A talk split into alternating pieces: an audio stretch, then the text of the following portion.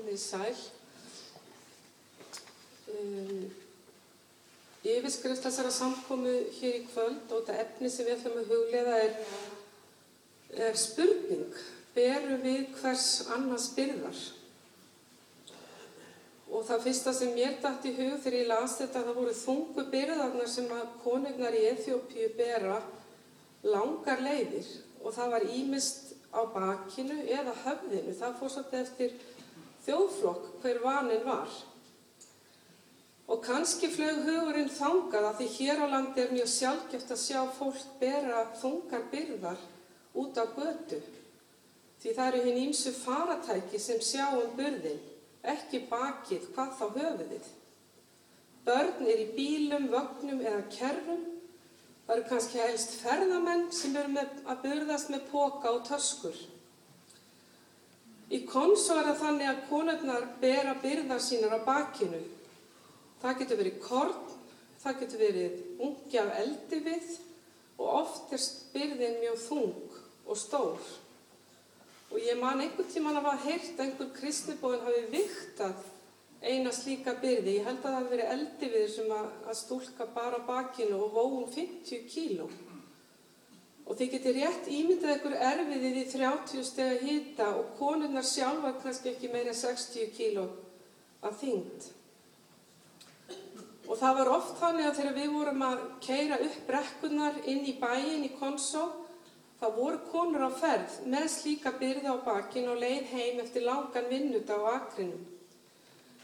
Og ef við hefðum plást þá byggðum við þeim stundum að sitja á pallinum á bílnum þennan stutt að spotta inn í bæin. Og það þótti þeim alveg gríðarlega skemmtilegt að hlóa hlóa þessu börn. Það var ekki að hverjum degi sem það settust upp í bíl. Og svo veifuðu þar og kölluðu til þeirra sem við keirðum framhjá sem voru fótgangandi sérstaklega kallana en þeir bera enga byrði en það er hlutverk hvenna í Eþjópju en ekki karla. Konundar í Ómorati bera byrði sín á höfðinu. Algengt var að sjá þar með kortpóka á höfðinu, kannski lítið barn bundið í skinn á bakinu og jáfnvel annar barn sem það leittu við hönd sér en tignarlega voru þær, hávaksnar og grannar og beinar í baki. Ég prófaði einu sinna að setja svona kortpoka á höfuðið á mér og, og ganga með hann og það var sko ekki einfalt og var ég þó ekki með einn börn og trúið mér, það var ekkert tignarlegt við þetta hjá mér. En það vakstalaði kannski ekki alveg það sama.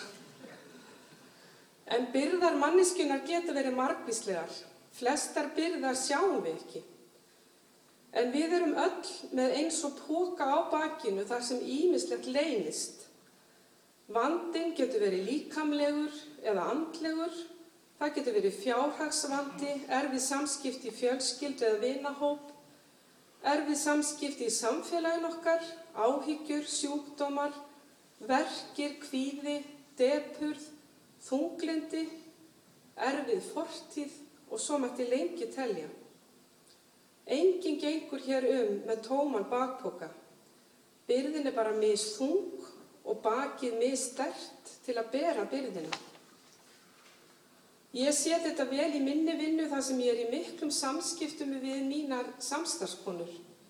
Ég þekki þar vel og við ræðum oft vandamál sem geta verið af ymsum toga, alvarleg veikindi þeirra eða þeirra nánustu, samskiptavandamál, skilnaður, erfið verkefni sem þær hafa lendi í vinnunni og svo mætti lengi telja. Og við hér í kristnu samfélagi erum engin undantekning. Öll höfum við eitthvað í okkar póka sem sést ekki með berum augum. En spurningin var, berum við hvers annars byrðar?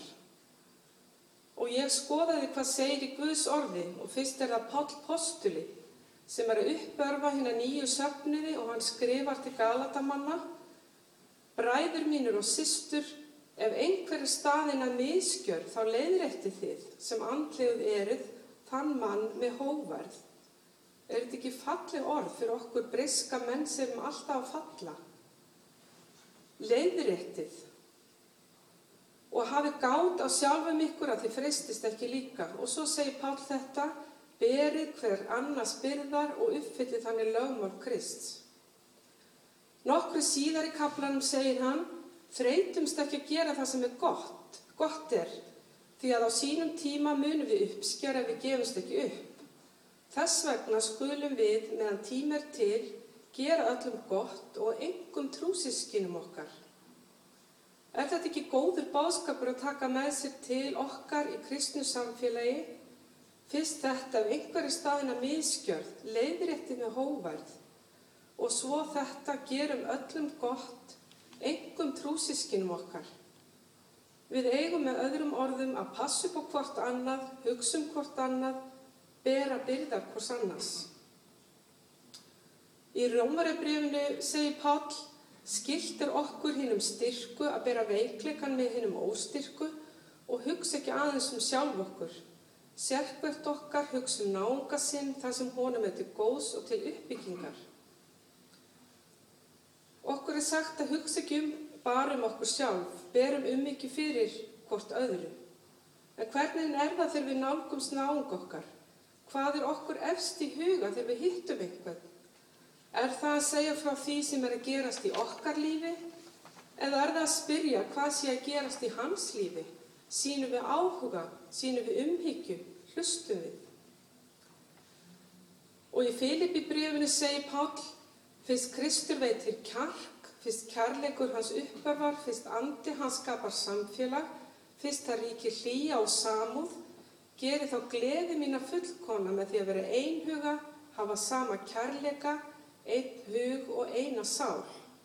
Gerið ekkert af eigingirn eða hérkomagirnd, veri lítilátt og meti hvert annað meir en ykkur sjálf. Lítið ekki aðeins á eigin hag heldur einnig annara. Verið með sama hugarfari sem Kristur Jésús var. Við eigum með öðrum orðum að horfa til hans, hafa hans sem fyrirmynd og reyna að líkjast honum. Verið með sama hugafari sem Kristur Jésús var. Og í Jóhannes og Guðspöld er að Jésús sjálfur sem segir Nýtt bóðar gef ég yður að þér elski hvert annað. Eins og ég hef elskað yður skuli þér einni elska hvert annað. Á því munu allir þekkja að þér eru mín í læri sönar ef þér berið elsku hvert til annars. Skilabóðin eru skýr bæði hjá Páli og hjá Jésu. Við eigum að láta hvort annað varða. Og besta fyrirmyndin hér er Jésu sjálfur. Verið með sama hugafar og Kristur Jésús var. Okkar takmark, okkar markmið ættir raun og veru að vera að vinna stöðut að því að líkjast Jésu. Í fyrsta Jónasebriði þrýðakabla lesu við Þér elskaðir nú þegar, þegar eru við Guðs börn og það er ennþá ekki orðið bert hvað við, með, við munum verða. Við vitum að þegar hann byrtist þá munum við verða honum líkir því að við munum sjá hann eins og hann er. Guð kallar okkur til að vera hans börn, til að fylgja honum, til að gera eins og hann gerir, til að líkjast honum. Það er óljast hvernig allt þetta verður á efsta degi en þetta er þó skýrt. Við verðum með honum og við líkjumst honum. Org Guðs og líf Jésu er því eins og, eins og því er líst eins og leiðarvísir um það hvernig Jésús var og hvernig við getum kemst að því að líkjast honum. Við þekkjum öll frásvöna því þegar Jésús þvoði fætu lærisveinana. Hann fór í hlutverk þjómsins tákran aðtöfn sem bar vott um auðmíkt og virðingu. Hann segir við lærisveinana þegar þessu var lokið, skiljið þér hvað ég hef gjört við yfir. Þér kallið mér mistara og herra og þér mælir rétt því það er ég. Fyrst ég sem er herra og mistari hef nú þveiðiður um fæturna, þá ber yfir einnig að þó hver annars fætur. Ég hef gefið þér eftirdæmi að þið breytið eins og ég breyti við yfir. Dýrmætt leksja fyrir lærisveina Jésu á öllum tímum. Leksja um auðmíkt og um þjónustu. Og ekkert verk er of ómerkilegt eða yfir okkur hafinn. Annar lærdómur er kærleikurinn.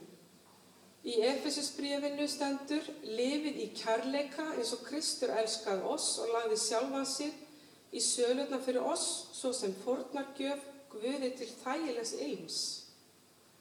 Að lifa í kærleikar bóðurðum og öll okkar hegðun er eiga sína uppsprettu í kærleikanum. Þetta hljómar óyfirstíganlegt. Engin maður getur verið eins og hér er líst að eiga svo sterkan kærleik til annara að hans er sambarilegur kærleika Jésu sem gaf sitt líf fyrir okkur svo við gætum átt eilíft líf. Hver getur þetta? En við höfum leiðbeinanda, við höfum eins og þjálfara. Guð er þrýið Guð og leiðbeinand okkar og vegferð okkar til að líkjast Jésu er heilagur andi. Hann segir okkur hvað við höfum að gera, hann minnir okkur á, hann kemur hugsun í hug okkar, óráa í hjart okkar, kallar okkur til að gera eitthvað. Og við að kvíla í orði Guðs og vera stöðut í bæninni, kemst Guð að í líf okkar með heilagan anda, þjálfaran okkar. Hann notar tilfinningar og hugsanir eins og sannfaringu og efa. Við verðum órálega vegna einhvers eða vegna einhverja sem er í kringum okkur. Það er heilagur andi sem minnur okkur á að ringja, að heimsækja, að byggja fyrir, að hjálpa, að hlusta, að þjóna í auðmygt, eins og Jésús gerði. Og þessi sami leiðbeinandi er sá sem kallar okkur til ákveðna verkefna, til dæmis til kristnibós. Og við heyrðum Kristinu Gíði segja okkur frá starfinu á Morati og ég verið mjög hugsið við því að við í kristnibóssambandinu höfum ekki fólk til að fara, til að við halda því starfi sem við þó höfum byrjað á, eins og í Morati þar sem er mjög ungur söfniður sem virkilega þarnast leiðsagnar. Guð kallar með því að gera okkur óróleg, setur einhverja hugsun í höfuðu á okkur eða í hjart okkar.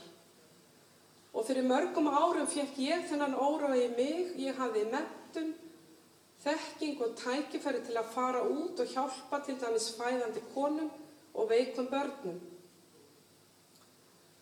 En getur við kannski gert betur í því að hugsa um hvert annað? Hlusta á óróan sem segir okkur að kannski sé einhver í okkar samfélagi sem þarf á því að halda að einhver byður fyrir honum eða með honum eða hlustar á hann. Hér verður hver og einn að horfa í eigin barm því fylgir ábyrð að vera í kristnu samfélagi, hvar svo sem við sækjum það.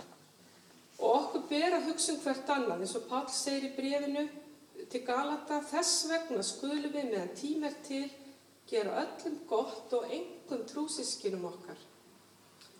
Ítum ekki óráanum fyrir, óráanum fyrir samfélagfólki okkar, fyrir trúsískinum okkar sem ef til vil bera þungar byrðar í sínum bakpoka, öxlum ábyrð, léttum byrðina.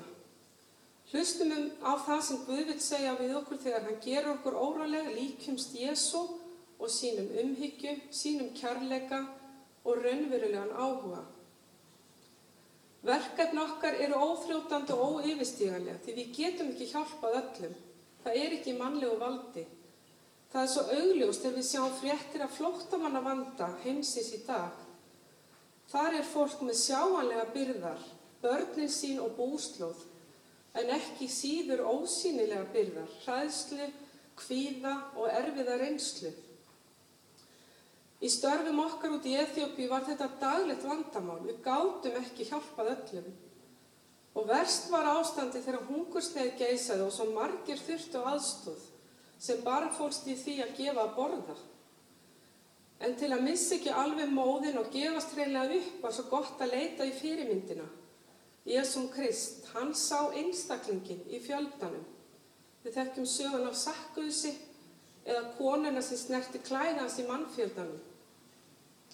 Bara það að geta hjálpað einni fjölskyldu að menta börni sín, að keira einn sjúkling á sjúkrahás og gefa hennu tækifæri til að fá læknisanstóð, að kenna einni stúlku hvernig hún gæti betur hugsa um barni sitt. Þannig var hægt að halda starfinu áfram. En það var annað sem kom mér í hug þegar ég las þessa yfirskrift, beru við hvers annars byrðar. Og það var orði Jésu til lærisveinan í Mattius 11.28 Komið til mín, allir þér sem erfiði hafið og þungar byrðar og ég mun veitið kvíld. Fyrir all mörg, árum þegar við hjónin vorum í málaskólan í höfuborg Eþjópi, Addis Abeba, skiptumst við nefndunir á að hafa stutta huglegingu á þessu tungumáli sem við vorum að reyna að læra amhæriskuna. Og ég valdi þetta verst til að tala út frá og ég man enn hversu erfitt mér fannst þetta að vera hvað ég var stressuð yfir að þurfa að standa frammi fyrir fólki og tala á þessu tungumáli sem ég bara var enga veginn að ná alveg að tökum á. Og þetta var ótrúlega erfitt og ég lesi þetta vers aldrei öðru sem að hugsa til þessara stundar. En þetta fallega tilbóð komið til mín. Jésús Kristur býður okkur að koma til sín og leggja frá okkur þær byrðar sem við berum og fá þar kvíld. Og þegar kristnibúður í Eþjópiðu tóku sér frí fóru þeir gjarnan á sumaleifi staði að vasa og þar voru líka og eru ennhaldnar árlega rástefnir kristnibúðana. Og mér er alltaf minnist að mynd sem var þar málið á veggin í samkómuhúsinu Ég veit ekki hvort hún er þar enn, ég hef ekki komið þarna núna þessu mörg ár, en, en fyrir miði á vegnum er, er stór kross og svo má sjá manneski með bói bak og þungan póka sem hún leggur frá sér við krossin og svo stendur hún upp, upprétt og frjás. Tákgrann mynd sem hefur eflaust haft mikla þýðingu í gegnum öll þessi ár fyrir þreytta kristnibóða sem leitu á þennan indislega stað til að sapna kröftum í annars erilsum og erfiðu starfi. En hvað svo sem við gerum af því að létta byrði samfélag fólks okkar er enginn sem gefur sanna kvíld nema Jésús og tilbóðið er þarna, komið. Það er ánskilir það. Til mín allir, enginn er undanskilin. Þér sem erfiði hafið og þungar byrðar og ég mun veitið kvíld. Og oft er þetta það eina sem við getum gert fyrir fólk sem er í vanda. Það er einmitt að benda á hann þar sem sanna kvíld er að fá. Hjá honum sem gaf lífsitt til þess að við getum fengið frelsi og eignast eilíft líf. Krossin í samkominnsalmi að vasa var takk um fornarkjöf Jésu fyrir syndu að menn. Syndabyrðina býður hann að við leggjum frá okkur hjá honum svo við getum gengið burt, upprétt og frjáls. Skulum byggja saman. Já, drottin Guði, þakka þér fyrir kallið sem við fáum að þjóna þér, að fylgja þér, drottin. Vilt þú vera með okkur í þessu samfélagi, kristnum og sambandinu? Drottin, vilt þú blessa samfélagi og hvert, okkur hvert og eitt okkar? Vilt þú gefa okkur ofin huga fyrir byrðum samfélag fólks okkar að við mættum létta byrðina með því að nálgast hvert annað, með því að sína hvort öðru áhuga, með því að byggja fyrir og hvert með öðru. Það dróttin Guði þakka ég fyrir það við megum leggja okkur þannig hvert og eitt okkar í þínar hendur. Og dróttin vil fá að byggja þið fyrir þeim sem eru úti í Eþjópi og Kenju og Japan. Þessari stundu, dróttin, vilt þú vera með þeim og hjá þeim þar sem þau eru. Og dróttin, Guði þakkaði fyrir að þú sendir enn til fólk til að sinna þessu starfi, dróttin. Og ég byrð þig að kalla fleiri, að kalla út fólk til starfa, dróttin, sem getur tekið við. Og þakkaði fyrir það við megum líka leggja það í þínar hendur. Skulum byggja saman bænina sem drottin kend okkur, Fadir vor, þú sem ert að húnum, helgist nafn, tilkomið þitt ríki, verðið þinn viljur, svo jörði sem á himni, gef oss í dag vort dagið brauð, fyrirgef oss voru skuldir, svo sem við er og fyrirgefum vorum skuldum veit. Egi leið þó oss í fresti, heldur frelsa oss yllu, því að þitt er ríki, mátturinn og dyrðin að. Amen.